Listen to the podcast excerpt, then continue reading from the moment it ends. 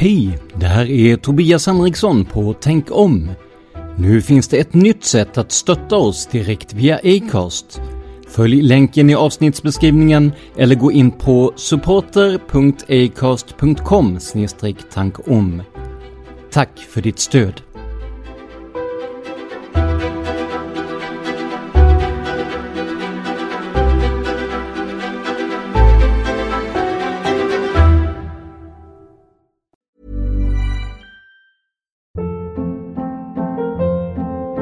Hold up. What was that? Boring. No flavor. That was as bad as those leftovers you ate all week. Kiki Palmer here, and it's time to say hello to something fresh and guilt-free. Hello Fresh. Jazz up dinner with pecan-crusted chicken or garlic butter shrimp scampi. Now that's music to my mouth. Hello Fresh. Let's get this dinner party started. Discover all the delicious possibilities at hellofresh.com. Millions of people have lost weight with personalized plans from Noom, like Evan, who can't stand salads and still lost 50 pounds. Salads, generally, for most people, are the easy button, right? For me, that wasn't an option. I never really was a salad guy. That's just not who I am. But Noom worked for me.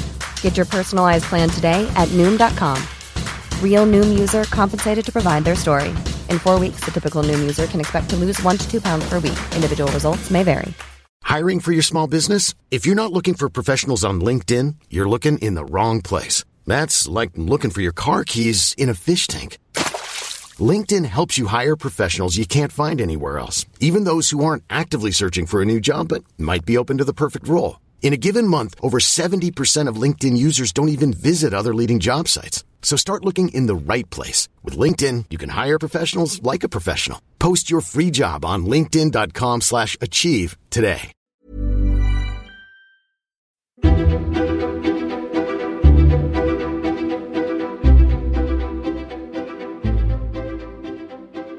Välkomna till Tänk om, en podcast som granskar konspirationsteorier och myter ur ett journalistiskt och vetenskapligt perspektiv. Jag heter Tobias Henriksson. Den här podden görs i samarbete med er lyssnare. Om ni gillar den här podden och vill höra mer av mig, gå gärna in på patreon.com tankom och sponsra oss med en summa per publicerat avsnitt. Det är alltså patreon.com tankom. Alla bidrag är välkomna, så stort tack för din hjälp. Om ni inte har möjlighet att sponsra får ni gärna dela med det till vänner och bekanta så att fler upptäcker podden. Det kan ni till exempel göra via vår Facebook-sida som finns på facebook.com tankom.se. Och precis som vanligt så samarbetar vi med Acast, så ni som har Acast app kommer att kunna se bilder under tiden ni lyssnar på oss, som hjälper till att förklara skeenden och uttryck i det här avsnittet. Appen finns att ladda ner helt gratis på Apple Store och Google Play. Nu sätter vi igång med dagens avsnitt.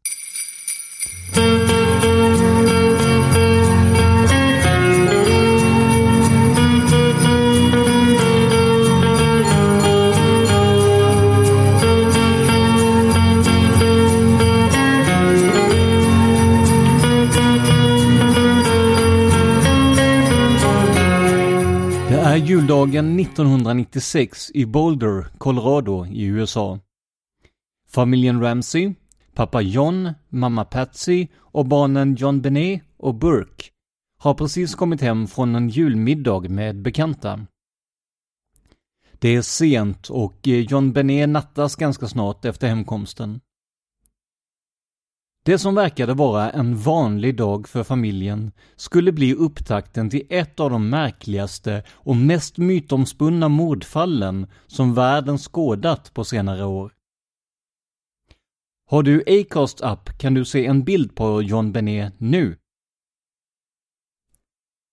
För på annandagens morgon får larmcentralen ett telefonsamtal där Patsy Ramsey helt hysteriskt berättar att John Benet är försvunnen och att den som tagit henne lämnat ett brev med begäran om lösensumma. Polisen är snart på plats och en stund senare hittas John Benets döda kropp av pappan i ett rum i källaren. Men fortfarande idag, 20 år senare, finns det mycket som är oklart om vad som egentligen hände. Vi ska titta närmare på konspirationsteorierna i det här fallet i dagens avsnitt. Men innan dess vill jag bara säga att vi inte pekar ut någon som mördare, eller möjlig sådan. Vi redogör helt enkelt för de fakta som kommit fram i målet. Trots mycket uppmärksamhet kring fallet och en gedigen polisinsats vet man alltså än idag inte vem som mördade John Benet. För att försöka gå till botten med det producerades dokumentären The Case of John Benet Ramsey där olika experter från bland annat FBI försöker få klarhet i vad som egentligen hände. För var det en egentlig kidnappning som gick fel? Eller döljer familjen något? Kan det till och med vara så att de själva är inblandade på något sätt? Låt oss titta på det. Vi börjar med larmsamtalet som alltså ringdes in av mamma Patsy 5.52 på annandagens morgon. Trots att hon är riktigt upprörd under samtalet är det några saker som FBI's expert Jim Fitzgerald reagerar på. Bland annat säger mamman ”Vi har en kidnappning” istället för ”Min dotter har blivit kidnappad”. Som om hon ville distansera sig från händelsen. Hon säger inte heller sin dotters namn, utan bara åldern. Men det märkligaste är att mamman slutar svara efter ett tag. När man ringer 911, som är USAs 112, vill man hålla fast vid den hjälp man har, det vill säga personen i andra änden av luren. Men mamman slutar svara och tror att samtalet är över. Men så är det inte. För operatören håller linjen öppen och samtalet spelas rutinmässigt in. Efter att ha förstärkt ljudet under den tiden där Patsy inte svarar lyckas man få fram vad som sägs i andra änden av luren. Och det meningsutbytet är ganska skrämmande. Först hör man en mansröst säga ”Vi pratar inte med dig”. Rösten tros tillhöra pappa John. Därefter säger Patsy Hjälp mig Jesus, hjälp mig Jesus. Eller möjligen, vad har du gjort? Hjälp mig Jesus. Slutligen hör man ett barns röst som följaktligen tillhör brodern Burke. Han säger, vad hittade ni? Och här har vi ett problem om vi jämför med den officiella historien som föräldrarna lämnat. För enligt dem låg Burke fortfarande och sov när samtalet ringdes in. Föräldrarna sa eh, att de ville fokusera på att leta och trodde inte att Burke kunde ge dem några detaljer. Men bandinspelningen motsäger detta totalt. Så om det var Burkes röst så har föräldrarna redan ljugit en gång. Fanns det fler saker de ljög om? Vi riktar blicken mot det brev som hittades på brottsplatsen. Det bestod av hela 380 ord och krävde 118 000 dollar från pappa John. Summan kan verka hög, men John drev ett framgångsrikt företag och hade gott om pengar.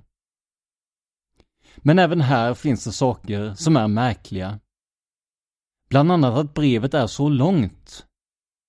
Enligt FBIs experter är hela 76% av brevets text onödig. Man hade kunnat sammanfatta hela brevet i fyra meningar. Vi har er dotter, vi vill ha pengar, gör så här med pengarna, ring inte polisen. 118 000 är dessutom samma summa som John fick i bonus det året. Är det en slump? Eller tog den eventuella kidnapparen en summa som låg nära till hands? Vid en genomgång av själva brevet finns det också mycket som tyder på att den som skrev brevet var en kvinna som var 30 år eller äldre. Och det fanns bara en sådan på plats, mamma Patsy, om det inte var en inkräktare utifrån. Vi återkommer till om det kan ha varit en eh, förövare utifrån senare i avsnittet. Bredvid brevet med lösensumman fanns två övningslappar som används för att öva på handstilen och se till att texten blev rätt. Och inte nog med det. Pennan som användes var samma som hittades intill telefonen i huset. Och pappret kom från ett anteckningsblock som ägdes av Patsy.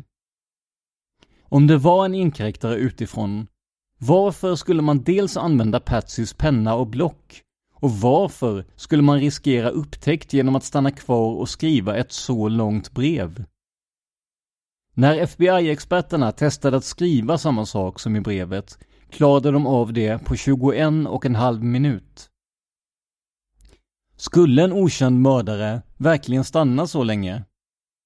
FBI-experterna i dokumentären tror inte det. Dessutom tycker de att det låter som att den som skrev brevet vill sälja in teorin om en kidnappning för att ta bort misstankar från familjen. Ni som har Acast kan se delar av brevet nu. En annan sak som är märklig är att det är John Ramsey själv som hittar sin dotter. Han tar med sig en bekant och går direkt till ett rum i källaren. Han ropar att han hittat sin dotter i det mörka rummet. Sedan tänder han lampan. Hur kunde han se att dottern fanns i ett beckmörkt rum utan att tända lampan? När fallet kom ut i massmedia började det såklart spekuleras om vad som egentligen hänt och blickarna riktades mot familjen. De som utåt verkade vara en fullt normal familj, där John drev en framgångsrik firma och John Benet var en ung skönhetsdrottning, fick nu utstå misstänksamhet och sneda blickar. John Benet beskrevs som en vacker och snäll tjej som tillsammans med sin mamma levde sin dröm genom att medverka i olika skönhetstävlingar. Men hennes tidigare liv hindrade uppenbarligen inte att någon ville ha ihjäl henne. Men hur dog hon egentligen? Den officiella rapporten pratar om strypning i kombination med ett slag mot huvudet. Men med dagens teknik skulle man kanske komma fram till en annan slutsats. Den erkände rättsläkaren Werner Spitz, som bland annat granskade obduktionen av John F Kennedy, ombads ta en ny titt på rapporten och skadorna. Han kunde konstatera att skadorna på John Benets huvud stämde överens till 100% med en tung ficklampa som fanns i huset. Han kunde också konstatera att det utdelade slaget var dödande och att strypskadorna uppkommit efter det att hon avlidit. Hans slutsats var att det strypande våldet med ett rep enbart var till för att vilseleda utredarna. Slaget med lampan behövde inte heller ha utdelats med speciellt stor kraft eftersom den är så tung i sig själv. Enligt Dr. Spitz skulle till och med ett barn kunna ha utdelat ett dödligt slag med den. Och kom ihåg den här slutsatsen till senare i avsnittet. Något som också är konstigt är att ingen i familjen vill kännas vid ficklampan efter att utredningen avslutats. Om den inte var ett misstänkt mordvapen, varför kunde man då inte bara sagt att man vill ha tillbaks den från bevisrummet? Familjen lät sig inte heller förhöras av polisen strax efter mordet, utan sa sig vara för nedbrutna för det. Men trots det ställde de upp i en stor intervju med CNN bara dagar senare. Här konstaterar FBI-utredarna att de uppvisar klara tecken på att inte tala sanning. Bland annat skakar Patsy på huvudet för att sedan svara ja på en fråga. Att undermedvetet skaka på huvudet är ett klassiskt tecken på att man egentligen menar nej, enligt utredarna. Föräldrarna säger också att de inte är arga, utan bara vill veta sanningen. Om ni går till er själva, hade ni klarat av att inte vara arga om någon mördat ert barn? Men på de klara frågorna som mördade du ditt barn? var de väldigt tydliga och trovärdiga. Enligt utredarna är det mycket svårt att tro att föräldrarna aktivt hade med sin dotters död att göra.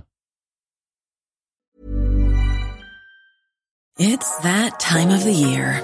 Your vacation is coming up. You can already hear the beach waves, feel the warm breeze, relax and think about work. You really, really want it all to work out while you're away. Monday.com gives you and the team that peace of mind. When all work is on one platform and everyone's in sync, things just flow wherever you are. Tap the banner to go to Monday.com.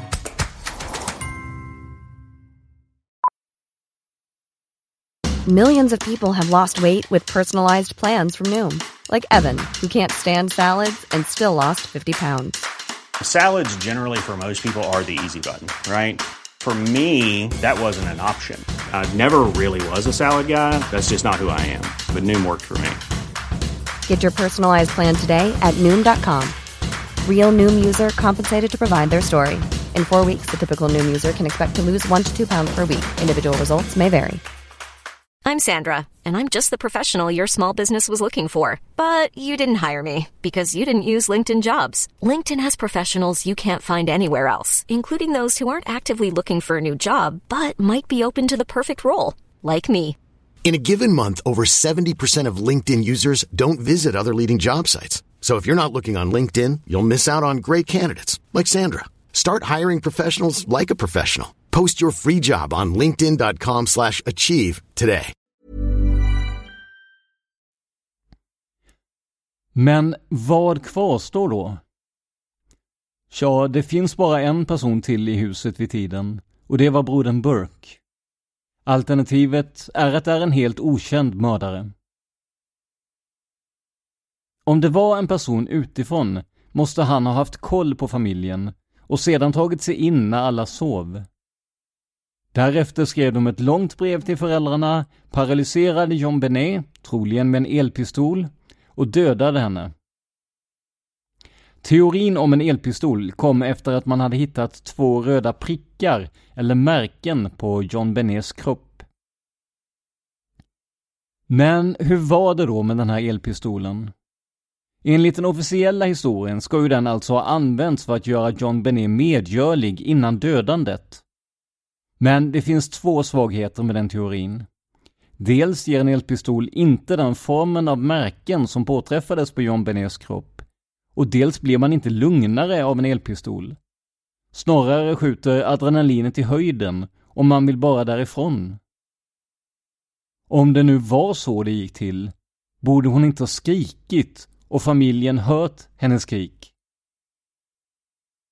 Det finns överhuvudtaget starka problem med teorin om en mördare utifrån.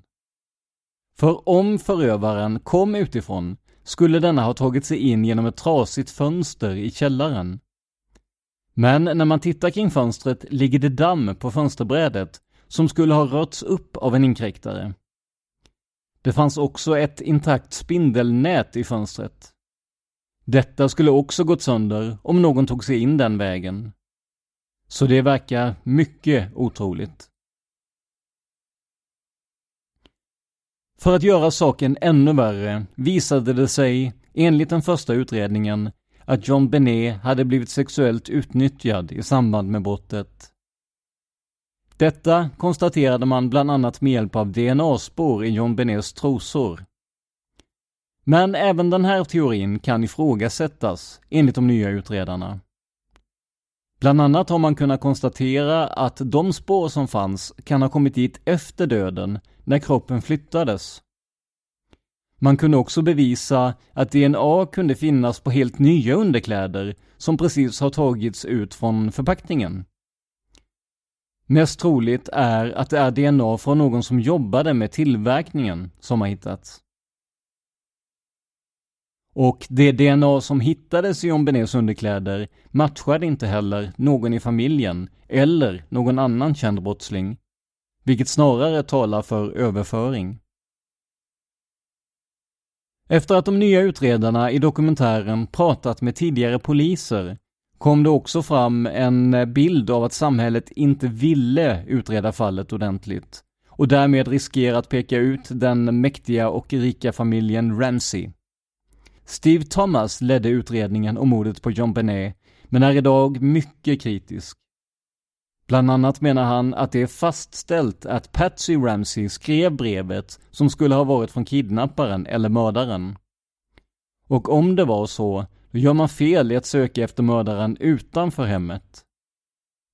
Thomas berättar också att familjen fått kopior av polisrapporterna innan de förhördes, vilket minskar hela värdet av förhören. Thomas begärde, tillsammans med ett antal kollegor, att fallet skulle tas upp i domstol, det man i USA kallar Grand Jury. Svaret han fick från distriktsåklagaren var att denna var tvungen att prata med sina kollegor för citat ”Det här är ett politiskt beslut”. Slutcitat. Beslutet från samma åklagare blev att inte åtala någon i familjen. Men vad man egentligen kom fram till i överläggningarna fick allmänheten aldrig veta. Först 14 år senare kom det fram att juryn röstade för att föräldrarna skulle prövas i domstol. Åtalspunkterna skulle bland annat vara barnmisshandel genom försumlighet och vållande till annans död genom försumlighet. De skulle alltså inte åtalas för mord. Håll i åtanke också att det här beslutet alltså togs av distriktsåklagaren själv. Men det fanns ju en tredje person i huset, nämligen John Benets bror Burke. Om du har Acast kan du se en bild på honom nu. På grund av sin låga ålder hade man ingen rättslig möjlighet att åtala Burke och vid den här tiden hade man egentligen inte heller så mycket som talade för att han var skyldig. Mer än att föräldrarna sa att han sov, när han egentligen var vaken. Men det skulle komma fram andra saker som satte Burkes liv i ett helt annat ljus. Bland annat hade han uppvisat våldsamma tendenser tidigare och bland annat slagit John Benet med golfklubba strax under ögat bara veckor innan den här tragiska händelsen. Man konstaterade också att Burke smetat bajs på godis som tillhörde hans syster samt i sin systers sovrum. När Burke pratar med en förhörsledare specialiserad på att förhöra just barn visar han inga som helst känslor som tyder på att han var ledsen eller arg över sin systers död. Tvärtom verkar han eh, glad och närmast uppsluppen. Nu framträder Burke som den huvudmisstänkte för den nya utredningen. Och med hjälp av nya bevis kan man lägga fram en alternativ händelsekedja. Det är sen jullovskväll hemma hos familjen Ramsey. Lilla syster John Benet har somnat i sin säng, men brodern Burke äter lite innan han går och lägger sig. Det är barnens favoritsnacks, ananas med mjölk. Man kan bevisa att även John Benet ätit ananas vid den här tiden, då det hittades i hennes magsäck vid obduktionen. Teorin är att John Benet vaknar för att gå på toaletten och ser sin bror sitta och äta ananas. Hon snor en bit av honom direkt från skålen, varpå han blev förbannad på henne och klipper till henne med ficklampan som stod i köket. Meningen var troligen inte att döda, bara att slå undan henne. När han märker att John Benet inte rör på sig och inte andas tar han upp en bit räls från en modelljärnväg och sticker John Benet med piggarna på denna för att få en reaktion. Men det är för sent. John Benet Ramsey är död. Tillsammans med föräldrarna ser han till att iscensätta brottsplatsen så att det ser ut som att någon utifrån kommit in och mördat systern. Men, som vi gått igenom tidigare i avsnittet, så misslyckas de på många punkter. De prickar som John Benet hade på ryggen och som man trodde kom från en elpistol matchar perfekt med de piggar som fanns på modelljärnvägen. Däremot stämmer de alltså inte överens med en elpistol som vi konstaterat tidigare. Dessutom konstaterar man i dokumentären The Case of John Benet Ramsey att en vuxen person skulle ringt efter ambulans direkt, vilket tyder på att brottet begåtts av ett barn. Tänk på att detta bara är en teori som framförs i dokumentären. Vi säger inte att det är på det här sättet, bara att det kan vara så. Idag, 20 år senare, nekar Burke fortfarande till inblandning, liksom föräldrarna. Han har också stämt CBS, som producerade dokumentären, på 750 miljoner dollar. Den här tvisten gjordes upp i godo och detaljerna är inte närmare kända. Vi ska också säga att två personer tagit på sig mordet. Båda två är kända pedofiler som varit dömda tidigare. Dock finns det inget bland bevisen eller i någon av utredningarna som tyder på att de här personerna ens var i huset. Så vad har vi då kommit fram till i det här avsnittet? Vi vet fortfarande inte vem som mördade John Benet Ramsey, även om man kan ha en teori. Men det var ju inte heller det som konspirationsteorin gick ut på. Vårt mål var att undersöka om det går att slå fast att föräldrarna försökte vilseleda polisen i syfte att skydda sig själva eller mördaren. Vi summerar snabbt vad vi vet. Sonen Burke, som sades ha legat och sovit, var vaken när samtalet ringdes in till larmcentralen. Familjen pratar med varandra i relativt lugna röster när de tror att samtalet är nedkopplat. Brevet om en lösensumma har med stor sannolikhet skrivits av mamma Patsy. Familjen vill inte låta sig förhöras av polisen utan gick själva ut med sin version i CNN istället. Tidigare utredare säger att familjen inte vill gå till botten med vad som egentligen hände. Och slutligen finns det en annan, alternativ tidslinje som förklarar så mycket som den officiella versionen inte gör. Men skulle det kunna finnas någon annan förklaring till föräldrarnas beteende, förutom att de vill dölja ett brott? Jag har svårt att se det. Om något av mina barn hade råkat ut för en olycka hade jag rivit upp himmel och jord för att se till att den skyldige ställdes inför rätta. Men först efter att jag rivit upp himmel och jord för att se till att de fick vård. I det här fallet agerar föräldrarna nästan totalt motsatt. Som att man verkligen försöker vilseleda istället för att agera för sitt barns bästa. Och det är inte bara mina slutsatser utan de delas av samtliga experter i dokumentären. Så för mig råder det inte några som helst tvivel. Allt talar för att föräldrarna på ett eller annat sätt varit medvetna om vad som hände och dolt viktiga skenen för polisen. Inte minst tydligt är det faktum att brevet skrevs med Patsys penna och block. Dessutom säger ju flera tidigare utredare samma sak att polisen och föräldrarna döljer sanningen för allmänheten. Så för första gången i Tänk oms historia kan vi idag fastslå att en konspirationsteori är bekräftad. Men håller ni med om de här slutsatserna? Hade utredarna i The Case of John Benet Ramsey rätt? Gå in på facebook.com tankom.se eller sök på Tänk om i Facebook-appen för att diskutera dagens avsnitt. Tänk om finns också på Instagram, men då under företagsnamnet PRS Media med små bokstäver och i ett ord. Och självklart rekommenderar jag er att se den nästan tre timmar långa dokumentären The Case of John Benet Ramsey.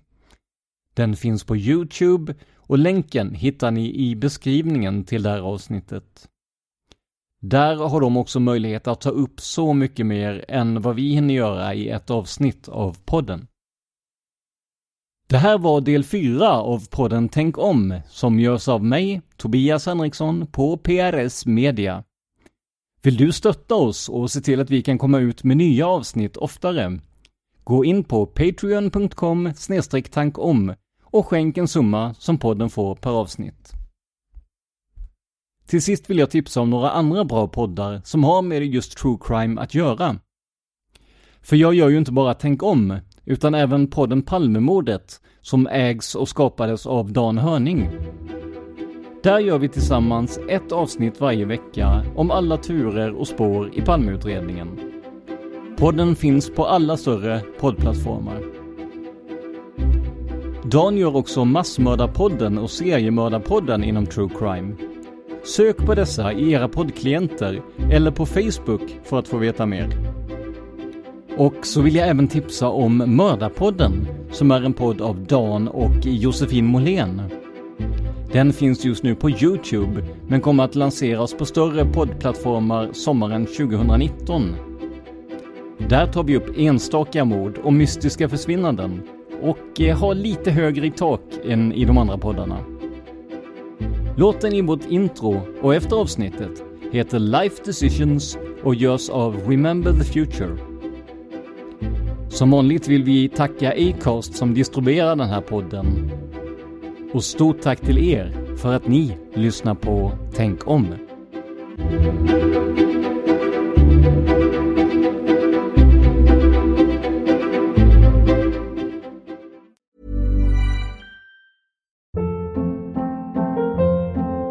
Hold up. What was that? Boring. No flavor. That was as bad as those leftovers you ate all week. Kiki Palmer here, and it's time to say hello to something fresh and guilt-free. Hello Fresh. Jazz up dinner with pecan-crusted chicken or garlic butter shrimp scampi. Now that's music to my mouth. Hello Fresh. Let's get this dinner party started. Discover all the delicious possibilities at hellofresh.com.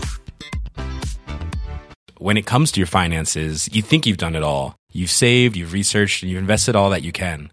Now it's time to take those investments to the next level by using the brand behind every great investor, Yahoo Finance. As America's number one finance destination, Yahoo Finance has everything you need, whether you're a seasoned trader or just dipping your toes into the market. Join the millions of investors who trust Yahoo Finance to guide them on their financial journey. For comprehensive financial news and analysis, visit yahoofinance.com, the number one financial destination, yahoofinance.com. This is the story of the one. As head of maintenance at a concert hall, he knows the show must always go on. That's why he works behind the scenes, ensuring every light is working, the HVAC is humming, and his facility shines. With Granger's supplies and solutions for every challenge he faces, plus 24 7 customer support, his venue never misses a beat. Call quickgranger.com or just stop by. Granger, for the ones who get it done.